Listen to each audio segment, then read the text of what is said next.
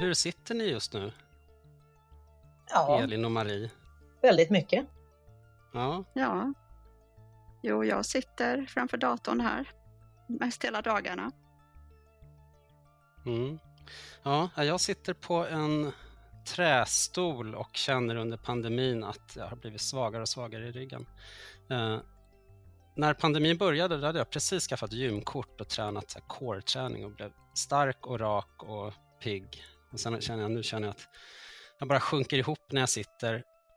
Och jag heter Jonas Mattsson och är chefredaktör för Forskning och framsteg. Det här är Forskning och framstegs podd. Idag ska vi prata om att sitta och att det kanske är ännu värre än vi redan visste. Och med mig har jag Elin Ekblom Bak. Hej Elin, välkommen. Hej, hej, tack. Ja, det är du som satt väldigt mycket där alldeles nyss. Eh, Du är docent vid Gymnastik och idrottshögskolan GIH i Stockholm Mm. och tidigare landslagsspelare i fotboll. Mm, exakt. Eh, Ja, och en del av er kanske känner igen din röst från tv där du har kommenterat fotboll också. Mm. Ja, och eh, Marie är med också. Marie Alpman, du är teknikredaktör på Forskning och framsteg och har skrivit en artikel om eh, att sitta ner och varför vi ska göra det mindre. Eh, Men du är också massör vid sidan av ditt arbete som redaktör på Forskning och framsteg. Välkommen Marie. Ja, tack så mycket. Jag måste börja med att fråga, jag blir nyfiken här med eh, Elin. Hur, hur gick vägen från Eh, elitfotboll till eh, att forska om eh, varför vi sitter eller hur vi sitter? Ja, det var nog en ganska parallella vägar. Det var nog nästan forskningsintresset som startade nästan innan fotbollsintresset, men, eller parallellt. Jag är uppvuxen i en familj där det alltid har pratats mycket om eh, fysisk aktivitet och hälsa, så att det fick jag nästan från, från barnsben där. Eh, men, men det var som sagt att det var lite mer fokus på fotbollen ett tag där och sen när karriären började närma sig ja, de sista åren, då utbildade jag mig och disputerade och ja, jag tyckte att det alltid fanns en spännande koppling mellan att veta hur kroppen funkar och hur jag kunde prestera absolut bäst. Att, liksom, hur kunde jag förbereda mig, hur kunde jag träna optimalt? Så mycket var ju i början fokus på prestation och så, men samtidigt fanns det också intresset för hälsan och fysisk aktivitet och nu på sistone mycket kring det här med stillasittande eller en, och betydelsen av kanske den lågintensiva aktiviteten eh, för, för befolkningen eller för folkhälsan helt enkelt. Och Marie, du är ju teknikredaktör i vanliga fall, eller det är det du är, men eh, nu har du skrivit om eh, rörelse och stillasittande. Eh, men att du är massör också, hänger det ihop att du hitt, blev nyfiken på det här området eller hur kom det sig att du ville skriva om det här Marie? Jo, jag har ju det som en eh, bisyssla, att jag jobbar som massör. Och eh, inte nu, minst nu under pandemin har jag ju sett hur många kommer och har jätteont i axlar, i ländrygg och behöver hjälp. Och då säger ju många så här, ja, jag sitter så dåligt och jag sitter så länge och jag cyklar inte till stan längre. Och eh, jag blev liksom, ville veta mer om, okej, okay, rent fysiskt så kan vi få ont i nacken och ryggen och sådär, men händer det fler saker i kroppen? Och då upptäckte jag att det finns faktiskt forskning om stillasittande, även om den kanske fortfarande är lite i sin linda. Och kom i kontakt med Elin som precis har gett ut en eh, bok om stillasittande. En antologi där massor med forskare skriver om den allra senaste forskningen. Så nej, jag blev väldigt eh, nyfiken på vad händer i kroppen när vi sitter.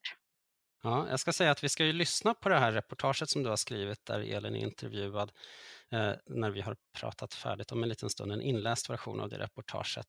Men eh, Elin, vad, som Marie frågar här, vad, vad är det som händer i kroppen när vi sitter? Ja, alltså det som man kan börja så varför vi är så intresserade av det just idag eh, och varför just nu i den här tiden.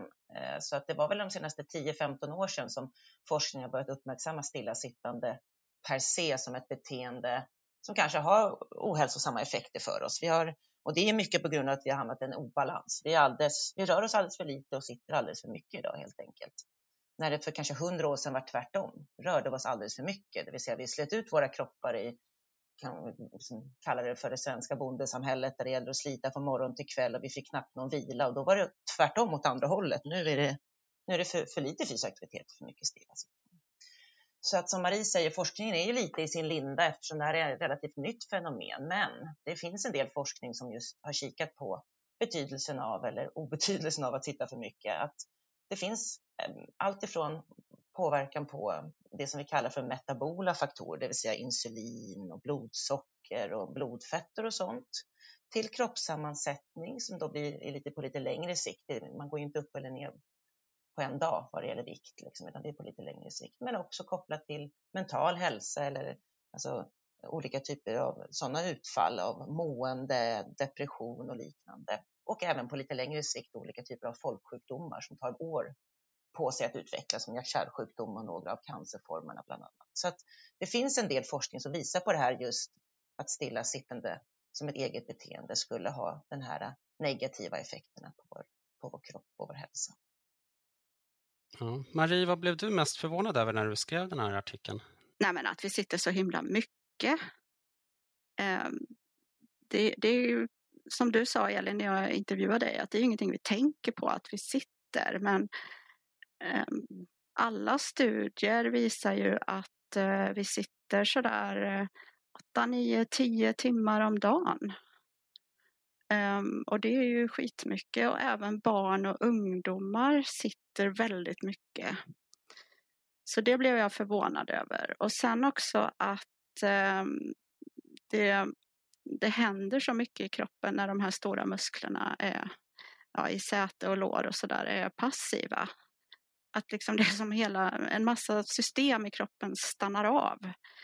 Men om man reser på sig eh, jag såg nu Folkhälsomyndigheten har ju gått ut med nya rekommendationer och de säger ju där var 20 eller var 30 minut att man bara ska göra någonting. Man behöver inte göra tio armhävningar utan man kan gå upp och sträcka lite på sig. Så, så minskar det den här risken.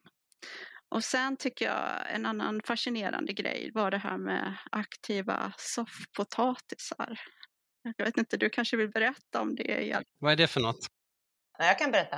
Eh, men vi brukar väl prata som, alltså fokuset som sagt de senaste, tidigare än de här 10-15 år sedan som, som stillasittandet har uppmärksammats har ju varit på träning, motion och pulshöjande aktivitet. Eh, och, och, där vet vi nog ganska bra om att det är bra att träna och röra på oss. Eh, så att när vi nu landar i att vi då sitter mycket så måste vi lite fundera på hur de här beteendena hänger ihop. Så att vi brukar, vi brukar beskriva en, en persons dag eller vill säga en, en, en normal persons dag med en variation mellan att sitta, vara lågintensivt, vardagligt aktiv, det vill säga alltifrån att vi ställer oss upp till att vi går långsamt och ja, gör sånt som vi behöver göra i vardagen utan att vi egentligen tänker på det. Nästan, man känner inte att pulsen går upp eller är jobbigt. Eller så har vi den här delen då som är mer inten högre intensitet, man börjar få lite andfådd och svettig, ofta så, så, så, tränar vi. Och det är det här som vi, som då, du nämnde nu, Folkhälsomyndighetens rekommendationer och, och WHOs rekommendationer och tidigare rekommendationer mycket har fokuserat på att vi ska ha in de här 30 minuter av pulshöjande aktivitet. Så att, där kämpar vi ju för, för att försöka få till varje dag. Men den aktiva soff, soffpotatisen, det är ju den här kombinationen av, tänk en person som Eh, åker bil överallt den ska, sitter på kontoret åtta timmar, sitter och tittar på TV två, tre timmar på kvällen, ja, kommer upp i 13-14 timmar stilla sitta om dagen, riktigt mycket. Men tränar en halvtimme, 45 minuter om dagen, det vill säga en aktiv, tränar, men soffpotatis. Och, och, det blir en ganska, det tror jag ganska många som känner igen sig i det där eh, i, i, i samhället av att jo, men, jo, jag sitter mycket, men jag tränar ju också. Eh, så det är benämningen av den aktiva soffpotatisen. Men det, funkar det då? Att leva ja, så? Ja, det är ju 10 000 kronors frågan eller i alla fall den vanligaste frågan näst om det är bättre att stå än att sitta. Det vill säga om jag nu gör det här, kompenserar jag inte för det här? Ja, skulle jag väl säga. Det finns vissa studier som, som hävdar att det inte är så. Det finns vissa som säger att, att en ganska stor del av, eh, av risken med stillasittande försvinner om man då tränar ungefär 45 minuter, en timme om dagen. Men, men då ska vi komma ihåg att det är inte många som tränar 45 minuter, en timme om dagen. Kanske en gång i veckan, men inte regelbundenhet om man säger så. så att, eh, men det är såklart att man har att vinna av att få in den här träningen. Men att därtill bli stillasittande så många timmar är inte speciellt bra. I de här nya rekommendationerna från Folkhälsomyndigheten, där har de ökat rekommendationen för hur mycket man ska röra sig aktivt i veckan, är det så? Ja, men precis. Och de bygger på WHOs nya rekommendationer som kom i november 2020 och det är alltså ett spann. Så istället då för 150 minuter, vilket ungefär är 30 minuter om dagen, alltså 150 minuter i veckan, så ser man 150 till 300 minuter av sån här måttligt intensiv aktivitet eller 75 till 150 minuter av mer högintensiv aktivitet. Så man har ökat ett spann uppåt liksom. Så du är alldeles korrekt i det. Eh, däremot, det, det man, jag bara nämna, det som är viktigt att, att komma ihåg, det är att man har tagit bort tidigare krav på att det här måste ske i minst 10 minuters bouts. Förut sa man att det är bara liksom aktivitet som, som håller på i minst 10 minuter som räknas. Men nu har man tagit bort det så egentligen varje minut av den här typen av pulshöjande aktiviteter räknas in i det. Ja, för det tycker jag har varit stressande tidigare när man har hört att ja, ja, men om du tränar då måste du upp i en viss eh, mängd, annars är det meningslöst. Mm. Det är väl rätt ologiskt va? Om vi vet hur kroppen funkar. Jag har alltid tyckt det. mm. Men det jag tyckte var spännande när jag läste Maries artikel också, det var ju det här med att hur mycket som händer om man bara reser sig efter 20 minuter och går till kopiatorn eller går och tar en kopp kaffe eller går och pratar med någon kollega. Det börjar hända saker i kroppen. Kan ni berätta lite om det? Det är ju studier som visar att det påverkar genuttryck. Det är liksom tusentals ämnen i kroppen som eh, ja, aktiveras och jag tror inte detaljerna riktigt är kända där och sen är det väl eh, väldigt svårt att separera stillasittande från alla andra faktorer. Jag menar om vi röker, om vi är överviktiga, om vi, hur vi äter och ja, det är så mycket så att det kan vara svårt att isolera vad som exakt beror på att vi sitter. Men där är du mer expert än jag, Elin. Ja, men där har du ju alldeles rätt. Men när man pratar om det som, som, som vi forskare pratar om, det vill säga någon form av evidensbaserad kunskap, så bygger vi det på olika typer av studier vi använder. Så till exempel det här du nämner om det är svårt att särskilja mellan stillasittande, rökning och kost och sömn. Ja, det är ju, då tänker man, då har man de här stora studierna man börjar med, man tar hundratusentals människor och försöker hitta några samband där och där är det svårt att, att särskilja. Man försöker med olika modeller, analysmetoder att försöka ja, isolera en, en form av effekt och där ser vi ju då att stillasittande verkar ha en oberoende effekt, men det är såklart att det kan finnas olika typer av samband.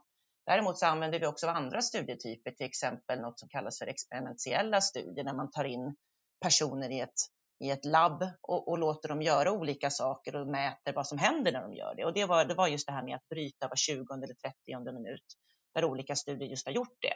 Och man har tagit in eh, lite överviktiga, lite, lite metabolt ohälsosamma personer, lite som folk är mest om man säger så. Eh, runda om magen, lite högt blodtryck, högt blodsocker. Och så har man låtit dem komma in till labbet tre gånger, där man en gång har låtit dem sitta i sju timmar konstant. Tänker en arbetsdag där man inte lämnar sitt skrivbord. Eller, och sen har man då fått gå hem en vecka och försöka återställa allting i kroppen. Det händer ju lite i kroppen när man utsätts för det här. Men kommer man tillbaka en vecka senare så får man istället för att sitta sju timmar då, så har man var 30 eller var 20 minut brutit upp sittandet med antingen äh, lite enkla tåhävningar, eh, som knälyft, lite enkla skott, väldigt lågintensivt eller gått väldigt lågintensivt på ett band då.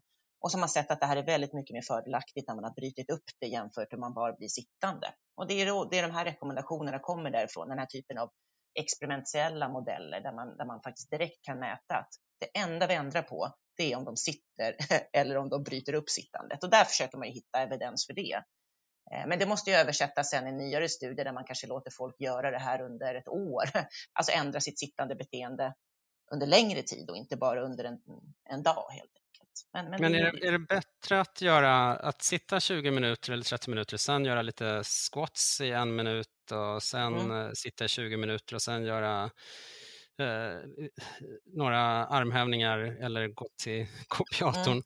Är det bättre än att eh, här, spara träningen till en halvtimme mitt på dagen och här, sitta sitta tre timmar och köra ett halvtimmes pass kring lunch. Jag tänker om man sitter hemma nu under pandemin och så. Mm. Är det, är, vad är bäst, att portionera ut det eller att samla sin träning till en halvtimme när man verkligen får upp pulsen?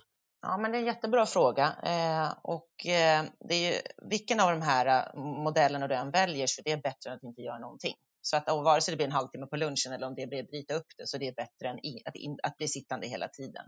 Däremot så finns det några studier som just mött den här approachen och de visar lite olika resultat, men om man ska hitta någon röd tråd så verkar det här brytandet vara lite bättre än att bli passiv under väldigt många timmar, trots att man har tränat en, en halvtimme i början eller en halvtimme i mitten om man säger så. Så det, det, det, här brytandet verkar vara mer positivt på längre sikt i alla fall. Du har ju tittat på, Elin, du har ju tittat på hur vi har förändrat vårt rörelsebeteende under pandemin. Kan du berätta lite om det? Ja, eh, vi har ju, eh, ja, den forskningsgrupp som jag leder på GHPI-gruppen har ju haft eh, möjlighet och tillgång till en stor databas eh, som, som ägs av hälsoföretaget HPI Health Profile Institute som är en stor aktör på marknaden, samlat in data sedan 70-80-talet. Eh, och där har vi då haft möjlighet att titta på deras, deras hälsotester helt enkelt, både tidigare innan pandemin men nu också att kunna ställa frågor till deltagarna under pandemin. Eh, och där har vi alltså kunnat fråga dem, hur har ditt stillasittande, din dagliga fysiska aktivitet och din träning förändrats i relation till pandemin? Och, och där ser man att ungefär en fjärdedel har en negativ förändring i de här beteendena, det vill säga de sitter mer, tränar mindre och rör sig mindre i vardagen. Eh, och då tyckte jag från början att det var ganska lite. Jaha, bara en fjärdedel. Men, men om man tänker att en fjärdedel helt hux flux påverkas av någonting och ändrar sitt beteende ganska drastiskt så är det ju ganska remarkabelt ska man ju säga. Det är de som kommer till eh, din massagemottagning, Marie? Ja, jag tror att de kommer nu till hösten när alla är vaccinerade och eh, allt börjar återgå ja. till det normala. Då ställer de sig på kö här.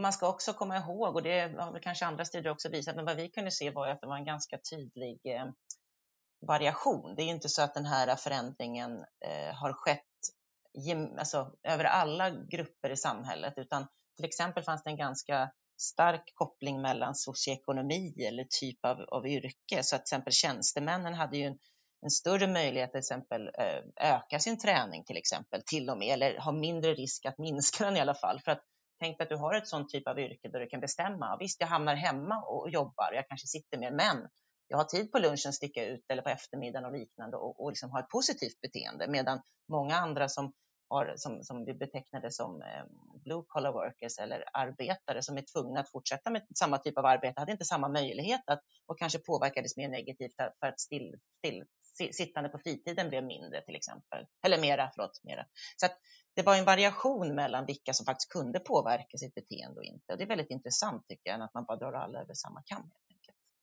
Eh, men vad ska du titta på härnäst då? Är det hur vi påverkas efter pandemin eller vad, är nästa forskningsmål? Ja, nej men alltså nu så har vi nästa artikel bland annat på gång där vi tittar på betydelsen av, eh, av konditionsnivå. Det har ju varit väldigt mycket artiklar som har tittat på strukturella faktorer och på kanske BMI och tidigare sjukdom som starka faktorer för att det är rätt lättillgänglig data. Det finns i olika hälsoregister. Men jag blir ju ganska upprörd, eller inte upprörd, men jag blir ju lite konfunderad när man säger att inkomst eller utbildningsnivå är den starkaste faktorn för att predicera allvarlig covid-19. Och då tänker jag, ja men bra, då ska jag ju bara utbilda mig lite så, så, så sänker jag den risken. Eller jag ska bara be om en löneförhöjning så minskar ju risken. Ja, men det är ju såklart att det är levnadsfaktorer som ligger i bakgrunden eller andra faktorer som förklarar de här sambanden. Det är ju inte vad jag tjänar i kuvertet utan det är ju en proxy för någonting. Så det är oerhört viktigt att vi tittar på hur våra levnadsvanor också påverkar det här. När vi vet sedan tidigare att fysisk aktivitet till exempel och kondition är, är viktiga faktorer för att stärka immunförsvar men också för att sänka till exempel inflammationen i kroppen som är, som en jättecentral faktor i, i utvecklande av allvarlig covid. Så att nu har vi en, en artikel på gång där man faktiskt inte har tid att titta på konditionsnivå eh, och betydelsen för att undvika att bli allvarligt sjuk i covid. Och det var väldigt spännande och vi kunde faktiskt hitta att kondition och BMI förklarade ganska stora delar av just socioekonomiska eh, variansen mellan personer. Det var rätt spännande. Mm. Spännande. Eh, jag måste säga att efter att jag har tagit del av det här, då har jag börjat eh, sätta en sån här eh, pomodoro-klocka eller en sån timer på 20 minuter när jag sitter och jobbar så att jag ser till att resa mig var 20 minut och röra på mig. Eh, det sägs ju också vara bra för koncentration och effektivitet och fokus. Så det är två flugor i en smäll. Hur upplever du det? Måste jag bara höra. Vad tycker du om sånt? Vissa kan ju bli otroligt stressade över att någonting avbryter det man, det man sysslar med efter 20 minuter. Jag får erkänna att eh, om jag är inne i flow så sitter jag lite till. Ja. Jag är inte helt eh, så eh, strikt med det där, men eh, det, det är liksom ett, en bra grund som Mm.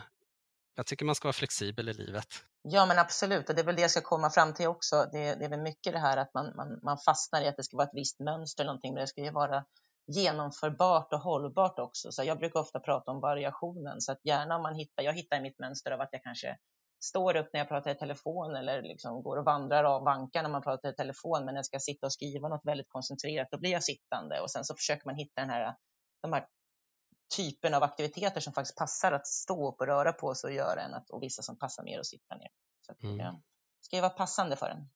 Ja, precis. Marie, hur, hur har du eh, förändrat dina vanor efter att ha fördjupat dig i det här ämnet?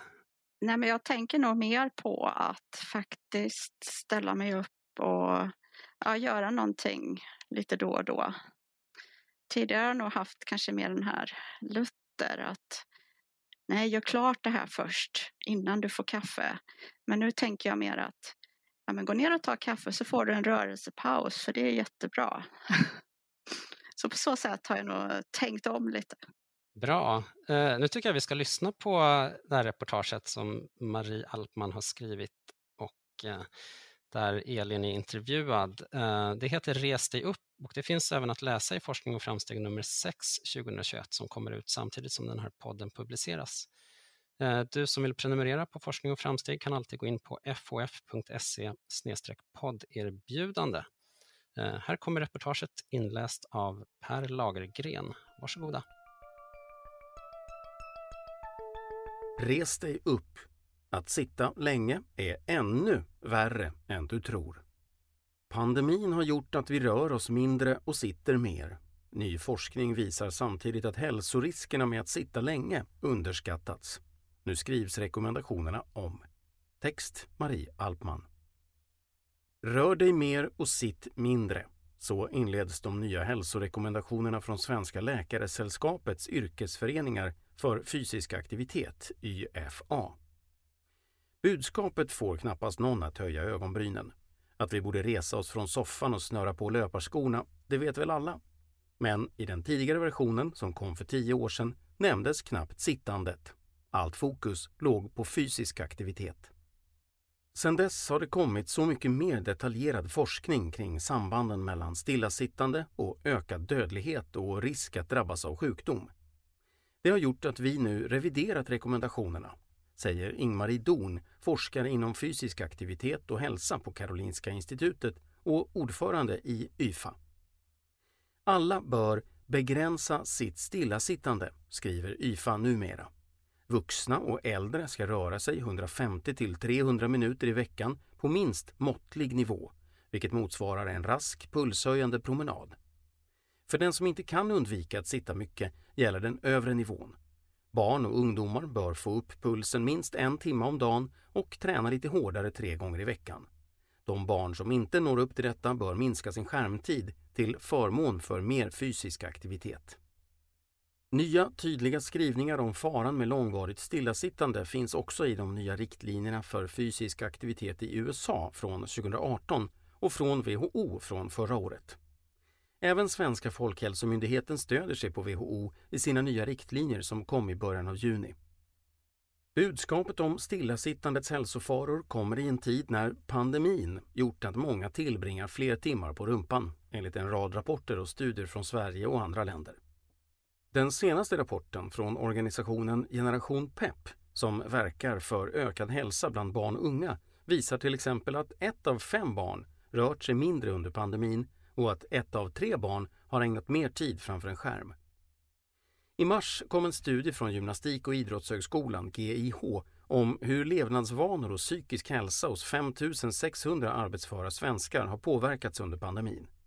Under den första vågen rapporterade drygt 25 procent att de satt mer. Motsvarande siffra för andra vågen var 17 procent. Samtidigt minskade den genomsnittliga tiden för daglig aktivitet och motion. Det är ganska dramatiskt om man tänker på det. Plötsligt, pang bom, ökade en av fyra sitt sittande. Det hade inte hänt utan pandemin, säger Elin Ekblom Bak, docent på GIH som ansvarat för studien. Hon har länge forskat om hur människor påverkas av långvarigt stillasittande. För åtta år sedan sammanställde hon all då tillgänglig kunskap i boken Långvarigt stillasittande, en hälsofara i tiden, utgiven av Studentlitteratur, riktad till bland annat vårdpersonal. I år kom en ny, uppdaterad version som sammanfattar den senaste forskningen. Slutsatsen är att tidigare forskning verkar ha underskattat både riskerna med att sitta mycket och de stora hälsovinsterna med fysisk aktivitet. I boken försöker vi ge en nykter bild. Du dör inte av allt sittande men det räcker inte heller med att bara sträcka på tårna för att nå en hälsovinst, säger Elin Ekblom bak. Det första vetenskapliga belägget för att stillasittande leder till sämre hälsa kom på 1950-talet. Då visade en studie att busschaufförer i London hade fler hjärtattacker och också fler med dödlig utgång än konduktörerna på samma bussar. Forskarnas förklaring var att chaufförerna satt still mer än konduktörerna. Senare kom studier som visade på samband mellan fler timmar framför tvn och ökad förekomst av bland annat övervikt och diabetes. På senare år har forskningen börjat ringa in konsekvenserna för hälsan av alla timmar vi tillbringar i bil, bakom skrivbord på jobbet och framför skärmar på fritiden. En viktig faktor är bättre mätmetoder. Medan tidigare studier byggde på formulär där försökspersonerna själva fyllde i hur mycket de suttit respektive rört sig används numera även aktivitetsmätare. Vanligast är att en så kallad accelerometer fästs om midjan eller på låret och registrerar alla förflyttningar eller tid när personen inte rör på sig. Det ger mer tillförlitliga och detaljerade data. Att sitta är ungefär som att blinka och andas. Vi tänker inte på det och när vi ska fylla i ett formulär underskattar vi gärna tiden vi sitter medan vi överskattar hur mycket vi tränar, säger Elin Ekblom bak. Mätningar med accelerometer visar att både barn och vuxna sitter i genomsnitt omkring 60 av den vakna tiden. Det motsvarar 9 till 10 timmar om dagen. Även om det kan vara svårt att jämföra med äldre mätningar som bygger på självskattningar är forskarna överens om att sittandet har ökat på senare år.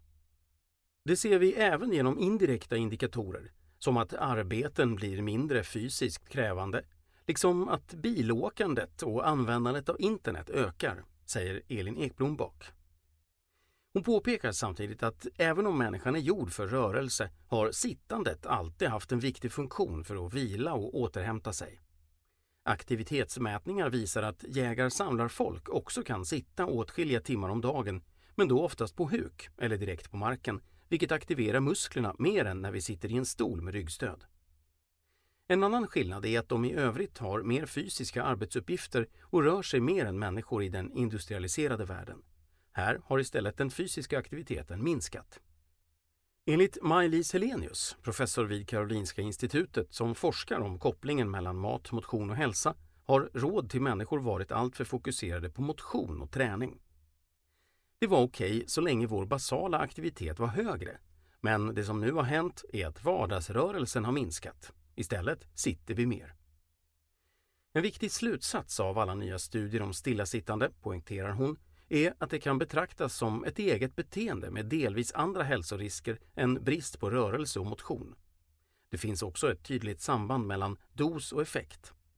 En översiktsartikel från 2019 visade att risken för att dö ökade gradvis efter cirka 7,5 timmars stillasittande per dag, med en tydlig riskökning vid mer än 9,5 timmar per dag.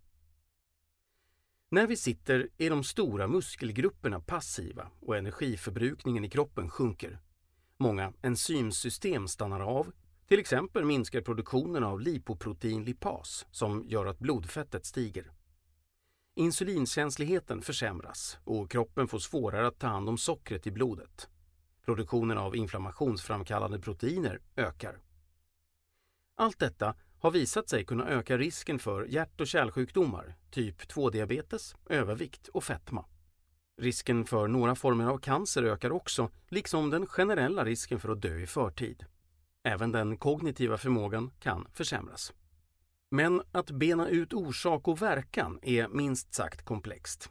Varje kropp är unik och det finns stark samvariation med faktorer som kost, rökning, alkoholvanor, stress och inte minst hur mycket vi rör oss.